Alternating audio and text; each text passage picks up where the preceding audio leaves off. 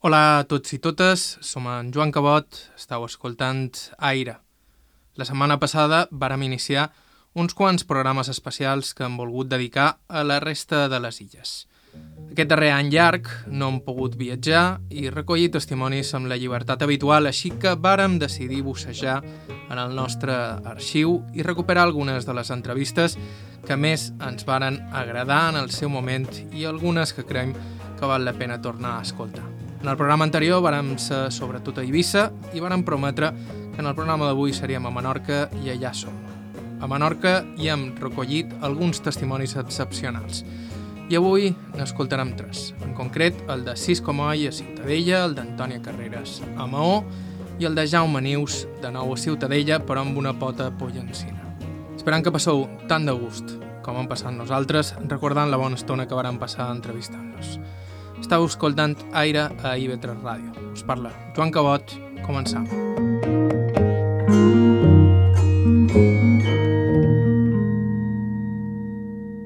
Així com oi, el vàrem entrevistar el 2018 a Ciutadella, on va néixer el 1930, en un lloc que diuen per allà. La seva va ser una infància pagesa, un entorn que ens va descriure amb un detall increïble. Jo me dic Francesc Moll Faner i vaig néixer dia 8 de desembre de 1930. Vaig néixer a un lloc que es diu Sant Àngel, a la banda de, de les platges de la vall, que dèiem. Allà mon pare estava de, de pagès a la finca i jo vaig néixer allà. Som germà de, de sis. Eren quatre germans i dues germanes i vivíem en el lloc. Jo en el lloc no record, perquè me ne vam anar que tenia dos anys i no me'n recordo quan era allà. Sempre estat jo a Ciutadella, que a mon pare lloc no li anava massa bé econòmicament i va pensar de, de deixar el lloc i venir a viure a Ciutadella. Ell va seguir fent de pagès, els germans també, vaig ser l'únic jo que no vaig fer de pagès. Per tots els germans van anar al camp, també. I jo vaig agafar un altre rumbo perquè els germans trobaven que, que no, no era massa bo anar al camp, hi havia altres coses a poder fer, i van defensar, van defensar, eh, eh, van dir que jo era petit, de, de sis, i, i van dir que no vagi al camp ell, que em surti, perquè el camp era molt dur aquell temps. I la feina de pagès era una feina, una feina mala de fer. A més que tenien una mentalitat un poc traçada els pagesos. Vull dir, que quan era feina al camp, dins una tanca llaurant, per exemple, i se niulava. Començava a ploiscar i seguien, seguien, seguien. I quan estaven xops, remulls, eh, després hauran d'anar a Redossa, però ja estaven xops, quan han d'anar a Redossa. Vull dir que era una gent que no mirava allò de dir, ah, plourà antes que no ens banyem. I, i era un poc això, la feina del camp. Hi havia molta de gent que feia feina al camp aquell temps, perquè a Ciutadella hi havia eh, alrededor de 300 finques en el terme Ciutadella. I, clar, I totes les finques estaven ocupades i amb un pagès, però llogaven persones.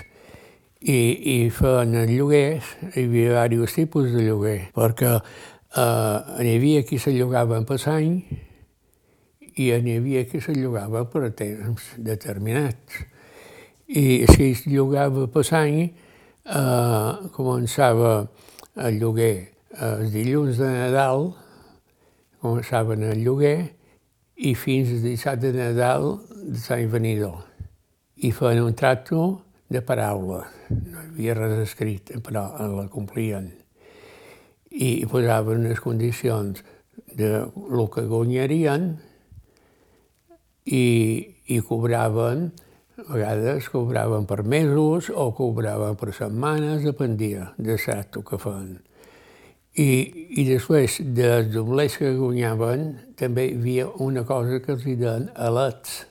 I els alets eren uns afegitons amb espècies.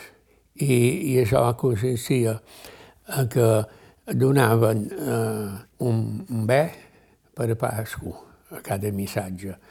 Després, eh, el mes de març solien donar una fogassa de formatge, també, que era quan era més bo. També eh, donaven un porc de 20 quilos perquè el poguessin engreixar i, i tenir per menjar. I el dissabte de Nadal també eh, els donaven un quarter de bé. Un quarter de bé era un quarta part. I, i tenien una manera de repartir, perquè una quarta part d'un bé no és la mateixa, la de davant que la de darrere. I s'ho daven per categories, diguem, perquè en llocs tenien, hi havia l'amo, hi havia un missatge que li deia missatge major, que no era el major d'edat, sinó que era el que comandava els altres. I rebia les ordres de l'amo quan l'amo no hi era i ell manava els altres homes. I quan mataven el bé per, per Nadal, eh, el missatge major i l'amo tenien un cortell de darrere de la cuixa i els altres missatges el tenien de davant per a Pasco, quan els hi daven el bé sencer, també l'amo replegava un quants menys i després de dinar anaven a cercar cada un el bé i començava l'amo a triar el que més li agradava o el que pensava que era més gros. Després el missatge major i per ordre anava vinga, des de qui triava era el lot. Aquí hi havia els llocs més grans eh, dependia de les temporades. Eh, els llocs més grans, eh, durant l'any, de tot l'any, així solien tenir set i vuit missatges. Hi havia de, de menys, de quatre i de tres i fins a un. Hi havia qualque finca que no tenia, tenia un al·lot i, i l'amo i prou. I, i els llocs eh, els, eh, els eh, mesuraven, diríem, eh, per, per la sembradura. O sigui, llocs grans els dividien entre els cementers. O sigui, tres parts del lloc. I sembraven una, la sembraven en guany, eh, l'altra la preparaven per l'any que ve i l'altra la deixaven reposar i després, eh, cap de dos anys que havia reposat, tornaven a sembrar el blat i sordi, que, que avui no sembra, però llavors es sembrava. Aquí tots els llocs de tramuntana, aquí, aquí quasi se veuen de l'altre terrat, eh, hi ha llocs molt grans i molt bons, però era un roquissar. Sembla mentida que poguessin passar a eh, fer feina d'un talló i que poguessin treure el que treuen. I, per exemple, n'hi ha un que es diu les truqueries, o sigui, els noms són tres alqueries, però vulgarment la gent li diu les truqueries. I aquell lloc era un dels grans i fa prop d'un milenar de corteres de blat en un any. I tots són roques. Però hi havia nou homes que llauraven. Començaven el dia de Sant Miquel a llaurar i fins al dissabte de Nadal. I després hi havia, eh, hi havia que llauraven amb bous, perquè els bous són molt més lentos i com que hi havia moltes roques, llaurava més el terreny de, de roques i el bestiar que bresta més ràpid i més so, i, i procurava llaurar si hi havia una solada de terra o això. I duen, eh, això, hi havia llauradors de bous i, i de bestiar de cabresta. I després hi havia dos cavadors, perquè les grades hi havia cletxes de roques que la no passava i allò ho havien de sembrar igual en aquella reixa. I allò cavava un home amb una eina que és una aixada de cavar roques estreta i cavava regatells de roca aquells. I allò feia blat, perquè eh, dins el regatell aquell hi havia humitat i feia un blat que era així, i sembla mentida, però era, així i els cavadors de roques se'n cuidaven de cavar les roques, de cavar racons, perquè les arades, quan arribava un racó, giraven en redó i quedava un triangle dins el racó. I allò no podia quedar sense sembrar i allò ho cavava excavador amb el cava que ho cavava. Ho aprofitaven tot. I després per segar també tenien les dificultats perquè no hi podien posar màquines d'un terroquissar que allò ho havien de fer a mà tot. I eren llocs que emprava molta gent. També hi havia a sota que han dit de llaurar, que començaven per Sant Miquel, els pagesos feien lloguers de Sant Miquel a Nadal. I era per llaurar. Agafava més gent perquè era, hi havia més feina. I feien un tracto de dia de Sant Miquel fins a dissabte de Nadal a migdia. I aquests, eh, allò que han dit dels alets, que guanyaven a més el jornal, guanyaven un quarter de bé també el dissabte de Nadal a migdia, a tots els, els pagesos se amb un buganter blanc, se l'enduen per dur, embolicaven el sol, se'l penjaven i venien amb allò penjat de dissabte de Nadal pels camins per tot aquesta estampa. I era ben arribat a casa seva, perquè aquell temps no era com ara la vida. I després hi havia altre lloguer per, per segar, quan venia sense segar, també llogava més homes i guanyava més doblers perquè era una feina feixuga. I aquí hi havia llocs de que que eren, quan vegades eren de set o de vuit homes, perquè tot ho havien de fer a mà. Tenia un germà que quan van sortir del lloc que jo vaig néixer, tenia vuit anys i el van llogar a un lloc per fer del lot. I el matí, de bona hora, quan t'aixecaven els missatges, aquella loteta de vuit anys s'aixecava i a segar a menjar dies fred de que el gelat estava amb qualsevol curs i, i, i ho passava molt malament. Després també ho passaven malament els al·lots perquè els missatges eh, era gent amb poca cultura i s'aprofitava de la innocència de, dels al·lots i els hi feien qualque mala criança L'amo no sabia defensar-lo perquè també eh, tenia el mateix pensar. A vegades els hi feia un por o, o que té que dir jo, qualsevol cosa eh, els al·lots ho passava malament. Quan, però n'hi havia molts a tots els llocs. I no ratllem eh, que abans la guerra espanyola n'hi havia molts i els van enviar a llocs perquè almenys menja. I mira, i nosaltres no tenim res i, i allà eh, fa feina, però ho passa més bé perquè va en la panxa plena perquè normalment en allò tenia més manera, qualque bocí de pa, aquí dins el poble tenies un macauet de pa de no res, i allà més o manco uns canars amb abundància, però el menjaven. I molts de l'os anaven al camp per aquest motiu. Per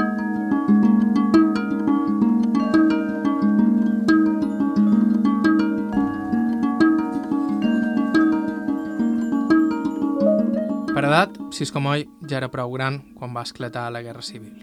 Durant l'entrevista també ens va parlar dels seus records aquells dies. Quan va començar tenia cinc i, ho record tot. Quan, eh, el dia que va començar la guerra, el moviment que hi havia més a manco, no, jo dic que ho record tot, el que jo vaig veure. I, i després, durant la guerra, quan venia avions a tirar bombes, eh, durant la guerra va ser una aventura perquè m'on anàvem, la gent del poble sortia per, pel camp en els llocs i, i anava per por de les bombes, a dormir dins les torranis i, i no vull dir res dins les torranis, aquells, cada un du al seu llit i, i posaven una flaçada amb una corda per separar eh, una família de salts per no veure com es despoaven sense llum zona amb una espelma i, i dormien a la toranya i allà era una música perquè un qui roncava, un qui fa una altra cosa i, i podeu comptar. I, i el vespre divertint d'anar dins un soterrani a dormir eh, un tros en fora de Cateu era un poc, un poc dur. I fugien del poble, nosaltres teníem un hortal, un terreny petitó, a 3 o 4 quilòmetres de la ciutadella, i, i allà dins, i a vegades hi dormíem a mare, dues germanes i dos germans, perquè mon pare i els, dos, i els tres majors, els dos majors, estaven llogats o feien el servici. El major, a de set anys el van agafar i ja feia el servici. I mon pare també, a 40 i pico, també el van agafar. Sí, va passar una bateria, un any i mig o dos. Agafaven fins als 48 anys, tot que era que els amullaven. Però fins als 48 anys els tenien agafats. I mon pare i el germà major van aconseguir de soldar-se els dos. I guanyaven un duro cada dia, a soldats, en la guerra. I, I era un bon jornal, perquè feien feina, hi havia molts que no el guanyaven.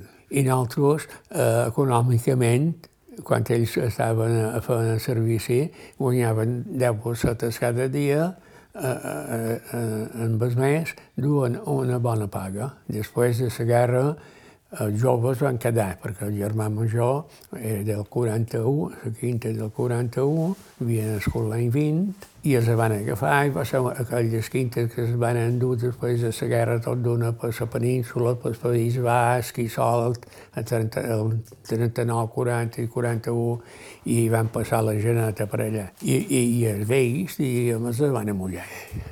Quan venien a avió van tirar bombes, eh, nosaltres ne vam anar a viure a Sortal, que, que teníem, després vam anar a viure a un lloc que diu Sant Triai, la banda del nord, i ens van trobar allà tres o quatre famílies a la Ciutadella i els pagesos s'ho han puesto.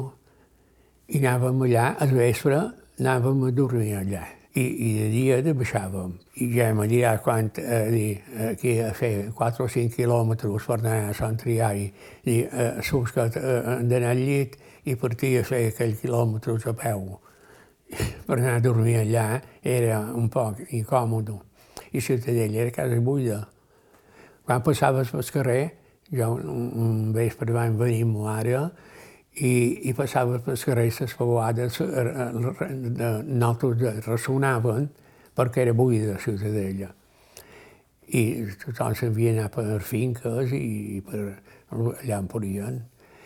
I després van, van anar a viure dins una cova, eh, en un lloc que es diu Alguerens, eh, hi havia una cova, mon pare encara no era soldat, i, i estava llogat allà, i va demanar a l'amo a la cova s'hi podia anar i van fer uns quants mesos dins aquella cova. I tots els dies jugàvem per allà amb els germans i, i, i el vespre anàvem a dormir a les cases del lloc. L'amo va fer puesto, anàvem a dormir allà. I vam fer un ranxo de mesos per allà i quan va acabar la guerra, el 8 de febrer, eh, érem un lloc per la banda de on hi ha el polígon, ara que, que el lloc ja ha desaparegut, i, i dormíem allà dins una cova també amb un ranxo de famílies. I, i aquell vespre va acabar la guerra, el 8 de febrer. I, i, i nosaltres vam de baixar amb mare el vespre perquè mon pare va, van passar un bàndol que tots els reservistes havien de presentar a tocar generala, passarien soldat pel carrer a tocar corneta en la matinada, que tots es havien de presentar en el corter. I va haver qui no es van presentar, perquè van preveure que, la cosa. I uns altres van complir en sort de que havien dat, que mon pare va ser un de sants, i, i es van presentar en el corter. I quan anaven les bales xiulaven perquè hi havia un desordre, i, i xiulaven les bales, i va qui va morir, i, i mira, li van bé, i a ma mare van de baixar d'allà, havien dormit el lloc aquest, i van venir aquí en el corter a veure si podien saber notícies de mon pare si era mort o si era viu, perquè no ho sabíem. I, i tot això jo ho tinc gravat dins el cap, d'haver vist.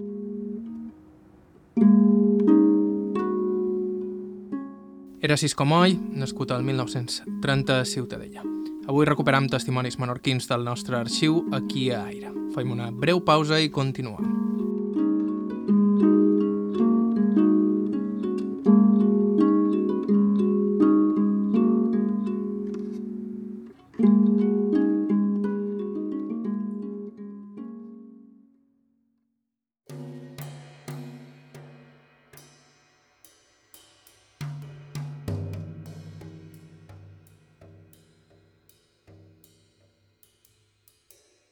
Hola de nou, us parla Joan Cabot, això és Aire.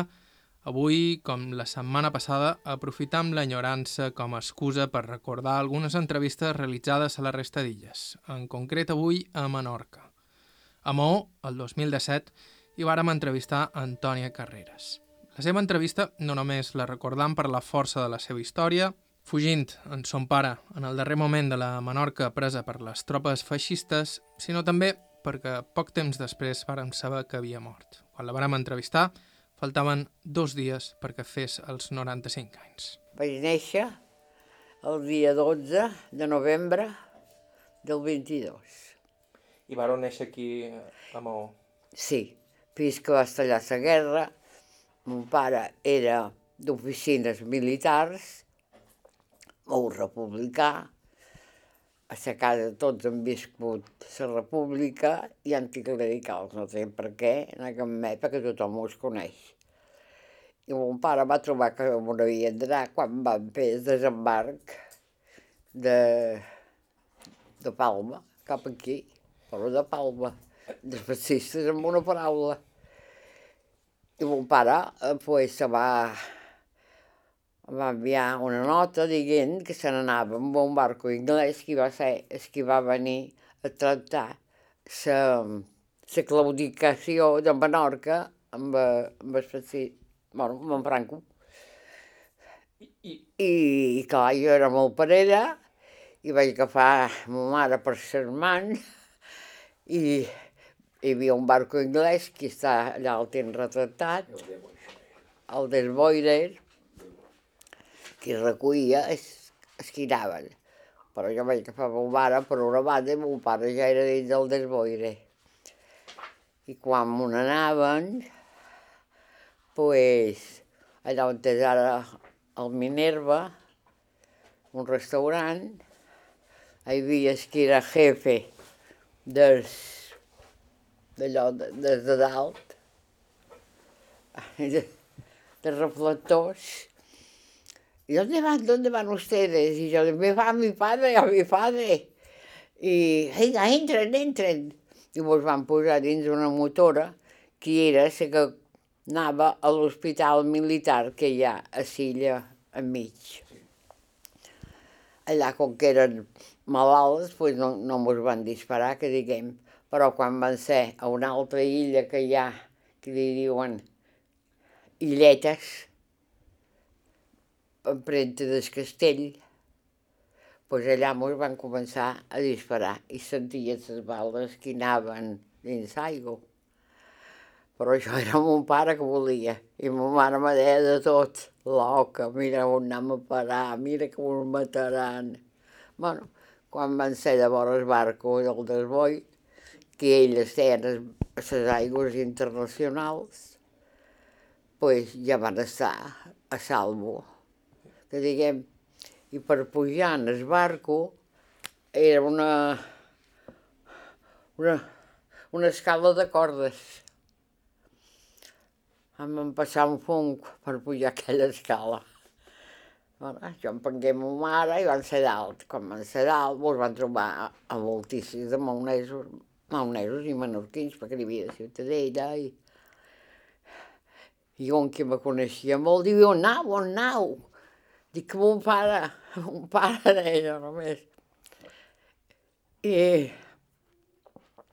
diu, ton pare és en el barco, no passis pena que el trobaràs. Jo ja vaig veure el cel obert, perquè vaig pensar, bueno, sí, i damunt les 12 de sema, del migdia, quan van arribar, ara no sé si és esport o Bahia Palma, que no sé si m'ho rendu a la Bahia o a Palma. Sé que allà va de ballar per nosaltres el traïdor que havia vingut a, a vendre sella. I li van fotre una pitada de pa de senyor meu, tots els que m'on anaven.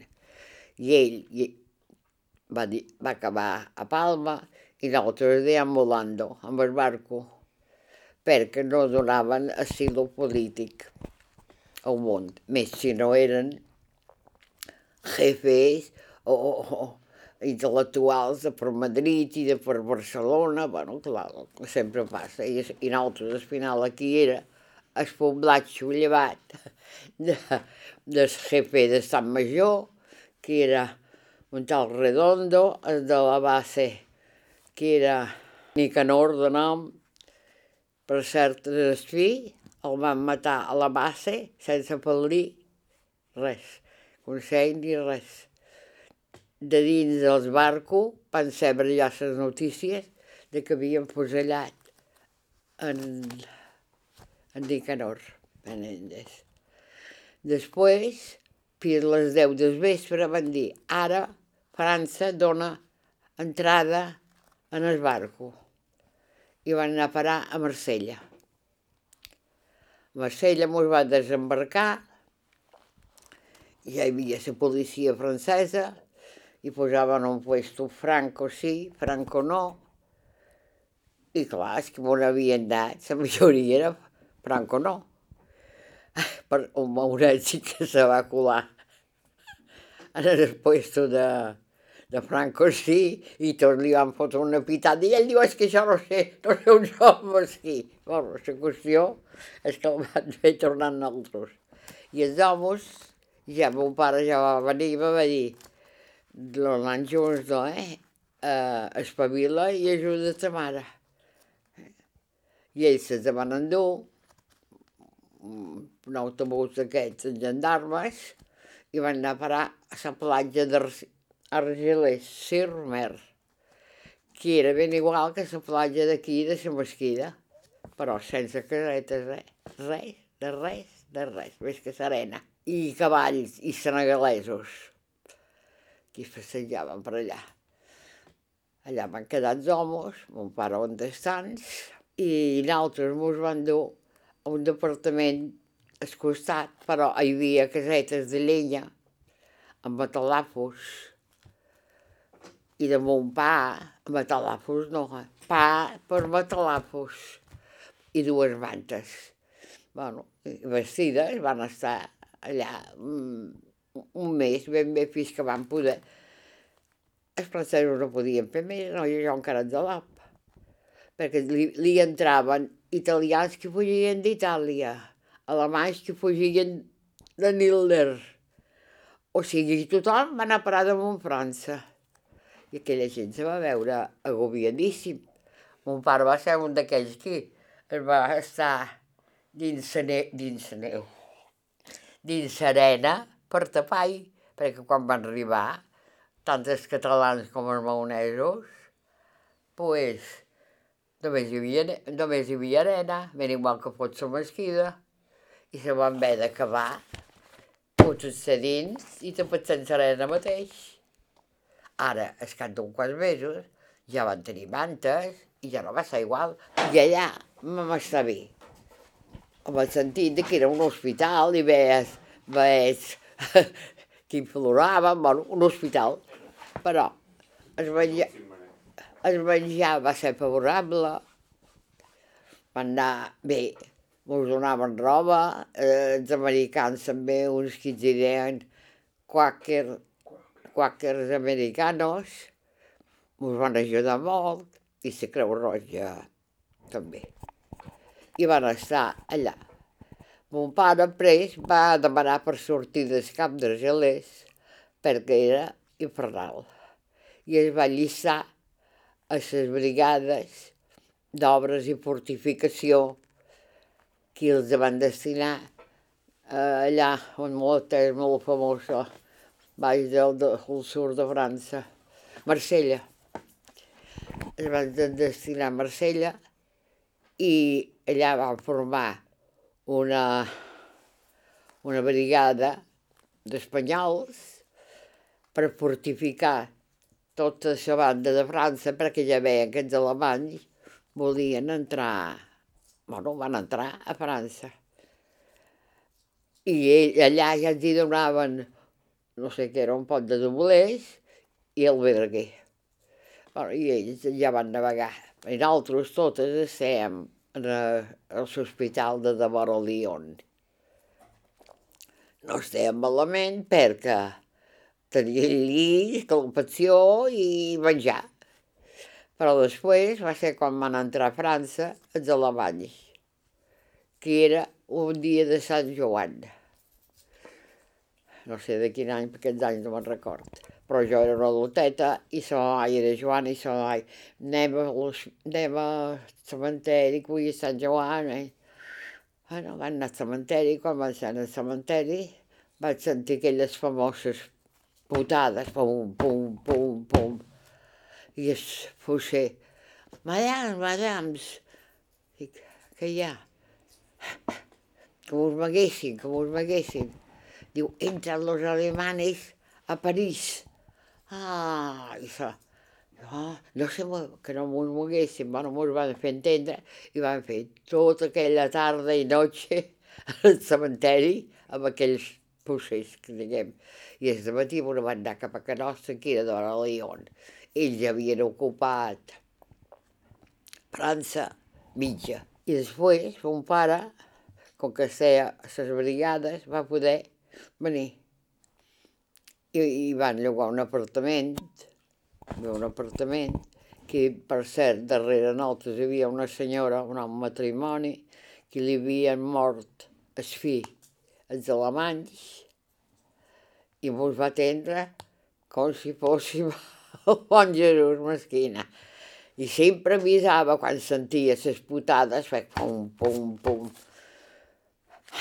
Que mos coneguéssim, Bé, i, i això va ser fins que mon pare va decidir que no podia seguir així per jo i va escriure una germana a Barcelona a dir si me volia i la tia va dir que sí, tot d'una i vaig entrar jo per la frontera i vaig anar a parar a Barcelona. I com vareu fer el viatge? Eh? Com vareu fer el viatge? Vaig fer el viatge amb autobús. Per cert, sempre me'n recordo que una de les primeres pobles que vaig veure va ser Calle de Mahón. I ja jo no que meva. I diu, no. I a Barcelona m'esperava el meu cosí.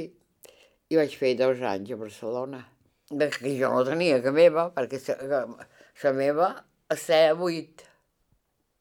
Perquè vaig anar a reclamar els mobles a un senyor que era veí, molt bon senyor de Falange, i em va dir, jo te l'arreglaré si quieres.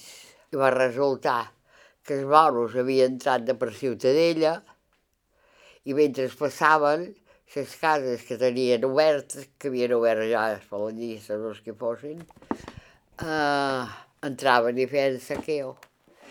Diu, si jo li reclam els mobles, es coste haurà de ser costi seu, perquè jo, jo, jo vinc amb una bata quan tinc que demanar el mobiliari, que era un bon mobiliari perquè havia fet un parent també de, de sa mamà i, bueno, una casa sense ser de lujo, de benestar.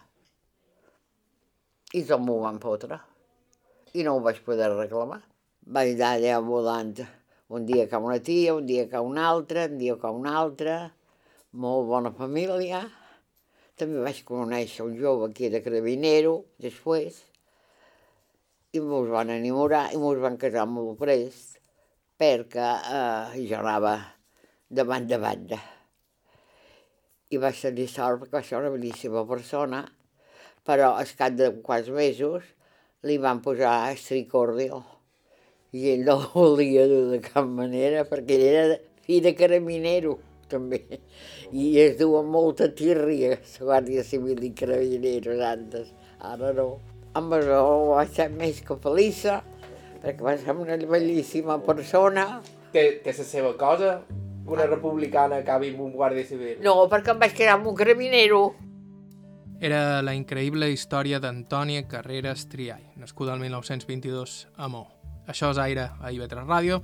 Fem una breu aturada i escoltam encara un testimoni més.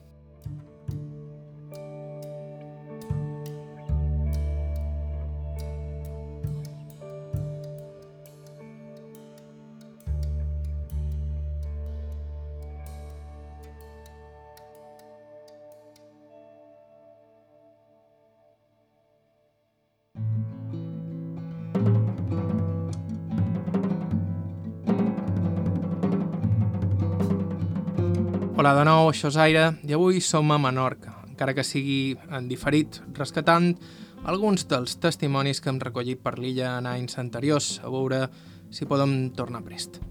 De fet, aprofitant per recordar-vos que en el programa sempre estem cercant testimonis interessants de totes les illes, gent que ens pugui parlar de com eren les coses abans o que hagi viscut fets insòlids o simplement personatges amb històries de vida interessants. Si teniu qualsevol idea o suggeriment, ens podeu escriure a aire.ivetresradio.com o deixar-nos un missatge al 97113 9931.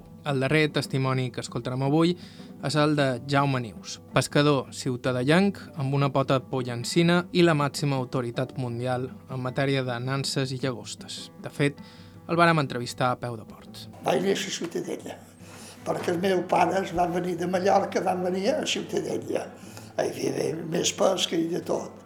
I quan va arribar a Ciutadella, eh, mon pare, a son pare i els altres germans, els se van tancar a la presó. I això? I els se van demanar, i per què mos tancau? Eh? Perquè heu vingut de Mallorca.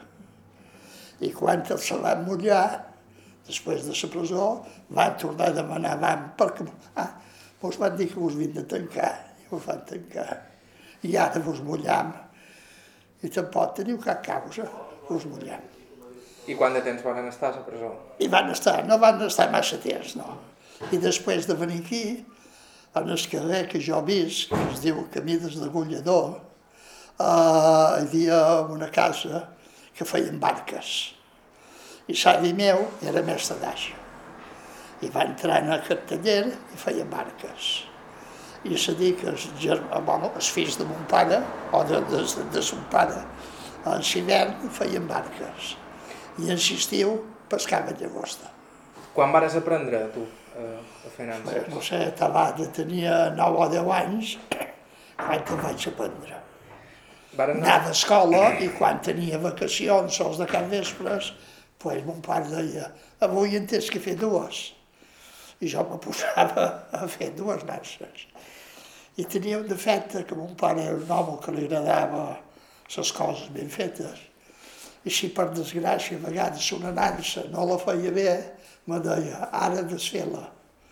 I una nansa, una volta que l'has feta, ja no hi ha qui la compongui. Te la poden fer desfer les vegades que vulguin, però després ja no, no va a qui em toca. Com era la vida de, del pescador d'un temps?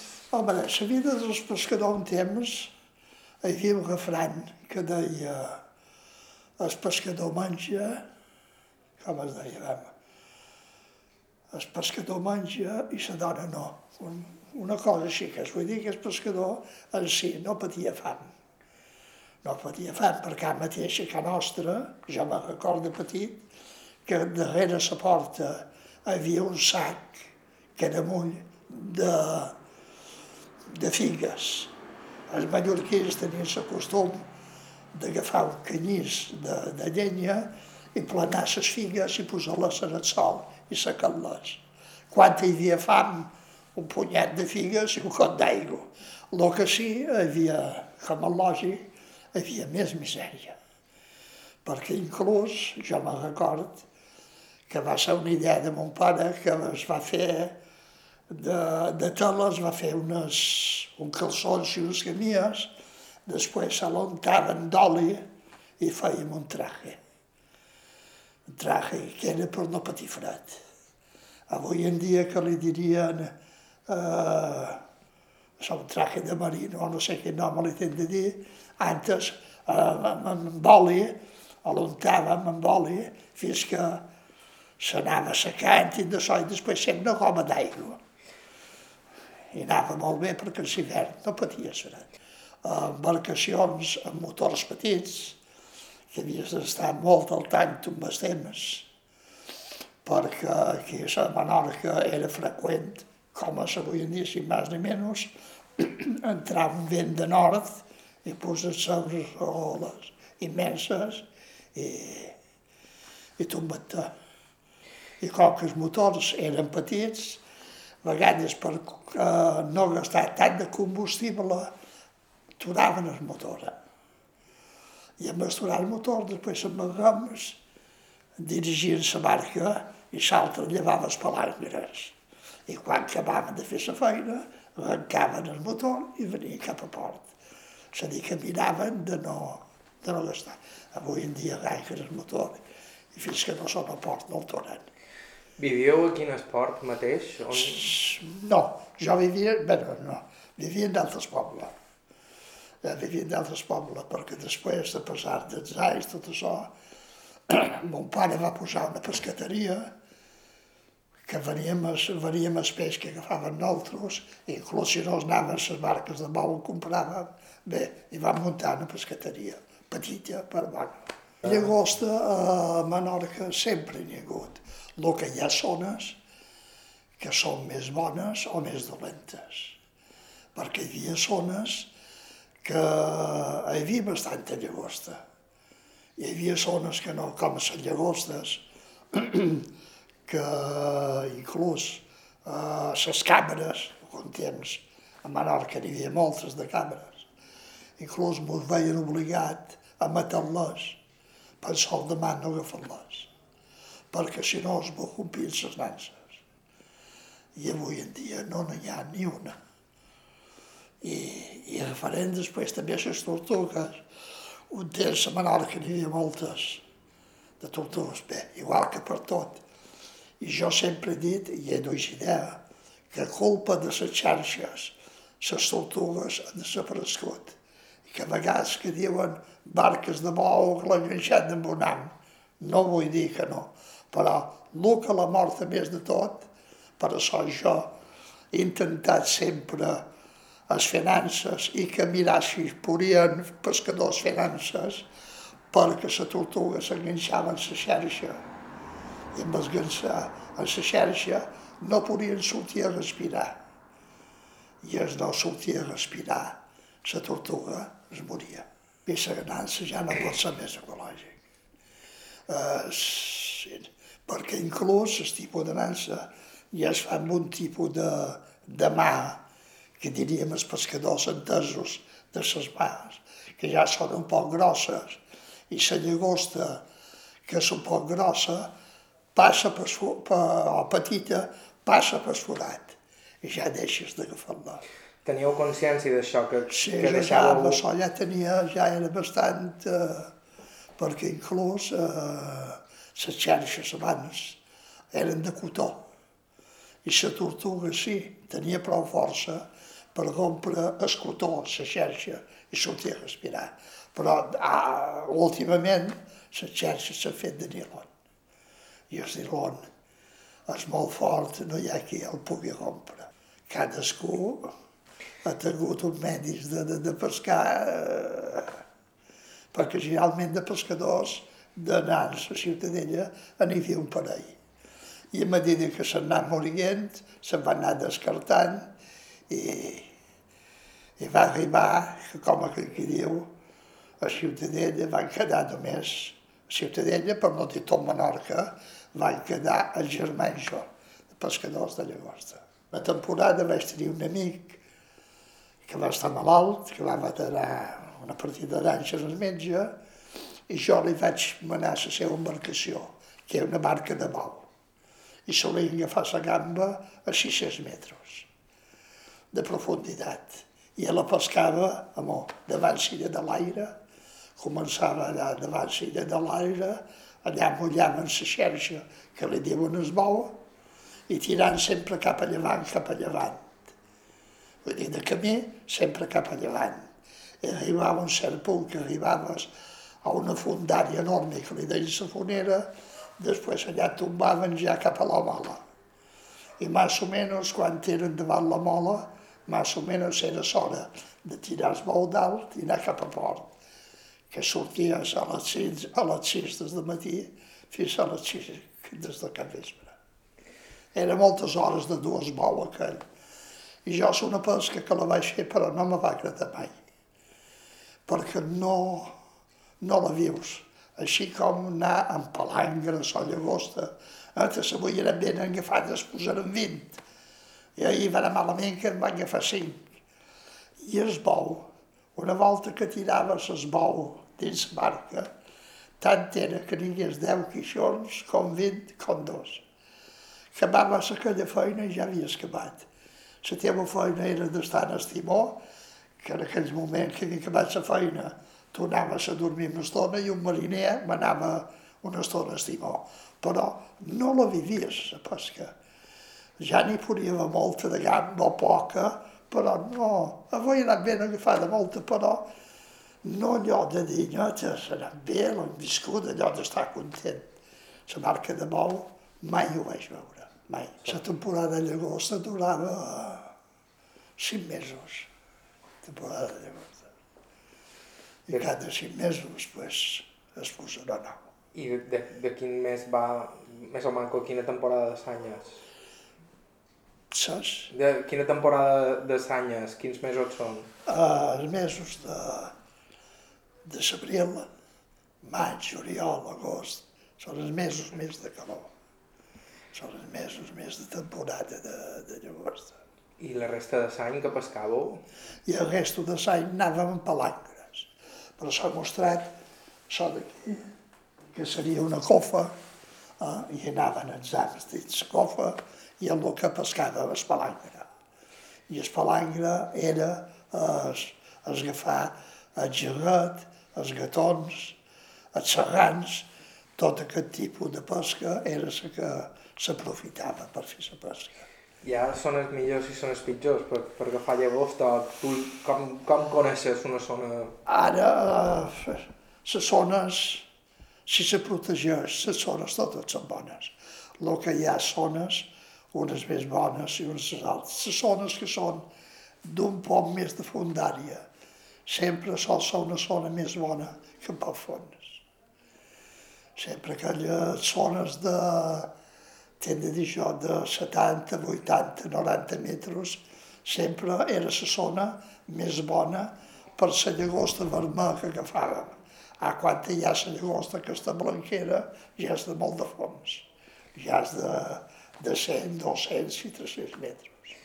I com així és tan bona la llagosta de Menorca? Oh. Jo penso que serà per les aigües, perquè un puesto les aigües, no sé, tal vegada més, més salades, no serà els gust dels peixos diferent, perquè inclús jo tinc present molta gent que menjaven una cabra agafada de Menorca, tant ser de Mó com de Mallorca, no? que la trobava molt bona, comparat a una cabra de Galícia. I és per, i és per, per les aigües. Les aigües més salades, més de zones, sabeu que és, els peixos més bo o més dolent. Hi ha, hi ha tipus de d'ormenys o que li donen molt de noms, però la nansa només tenia el nom de nansa feta de jonc i canya i el principal que era l'embut. Que l'embut nosaltres li deim l'enfàs, que per aquí on entrava la llagosta i tenia la part de dins un parell de pues i la llagosta no podia sortir. I, i en les nanses, pues, segons quines zones, agafaves moltes molleres, la bròtola, que seria en castellà, que avui en dia han desaparegut molt, jo hi havia temporades en les nanses que hi havia setmanes de 80 i 90 quilos, hasta que fan 100 quilos de molleres, molles de quilo i mig i dos quilos. Passaves gust de menjar un peix agafat de nansa, perquè no estava, no estava copatjat. Així com a la xerxa, la millor es o un pop a la xocolata, en la nansa sempre estava més. I em posàveu 600 jo, nanses. I a la nansa jo pescava 600, més o menys, i maduraven nansa 4 3 mesos. Després se podria, eh, en els fons no quedaven restos perquè era fet de jonc i canya, i no quedaven restos a les fons, a dir que no feia mal més fons, i després s'havia de fer nova. No sempre era tan fàcil. De fet, en Jaume ens va explicar també alguns naufragis, fets que quedaven gravats en la memòria de tots els habitants del port, sobretot quan pensaves que podries haver estat tu, qui era a la barca. Jo quan vaig venir de servici, amb permís, tenia un amic que era pescador, dic, escolta, que no m'hi ha José, per cert, ja farà anys, dir, mira, demà vendrem vosaltres a pescar. Mon pare tenia la barca plena uh, i aquest, pues, eren dos tots sols. Diu, bueno, da, vens. I me record, o me recordaré sempre, que a les 10 del vespre va venir a meu. Diu, Jaime, ho sé molt, però demà no podràs venir a pescar amb altres. I jo li vaig demanar perquè diu, no, és que colco meu no vol que venguis. I amb el jo no anaria a pescar, va entrar un cap de fibló i va tombar la barca i la barca va anar a dir, que tots els tripulants que hi havia es van morir tots, es van perdre. I, i era, per lo que jo dic, temps sense barques petites, barques baixes, i segurament, segurament, no quasi quasi segur, que havien arrencat el motor. I en arrencar el motor, clar, el vent te, domin, te dominava més el vent que el que era el motor. I segur que el van trobar fent feina, llevant palangres, i quan vam voler anar a posar el motor en marxa, amb el gran vent que hi havia, no vam poder.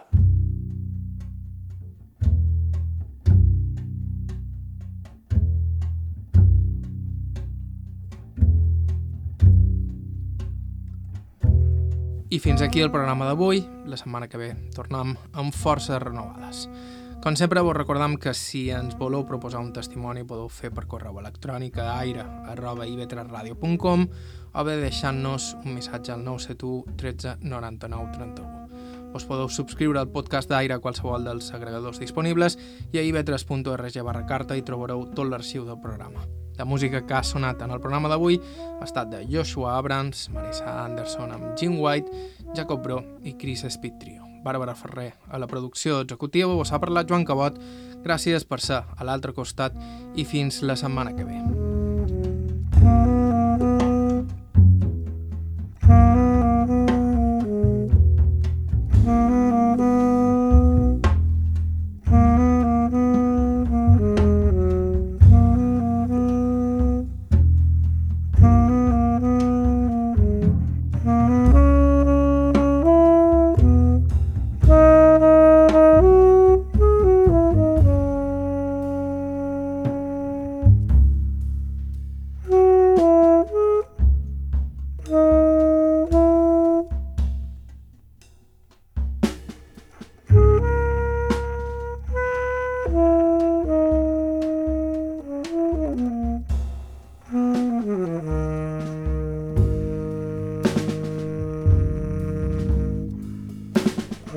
Mm-hmm.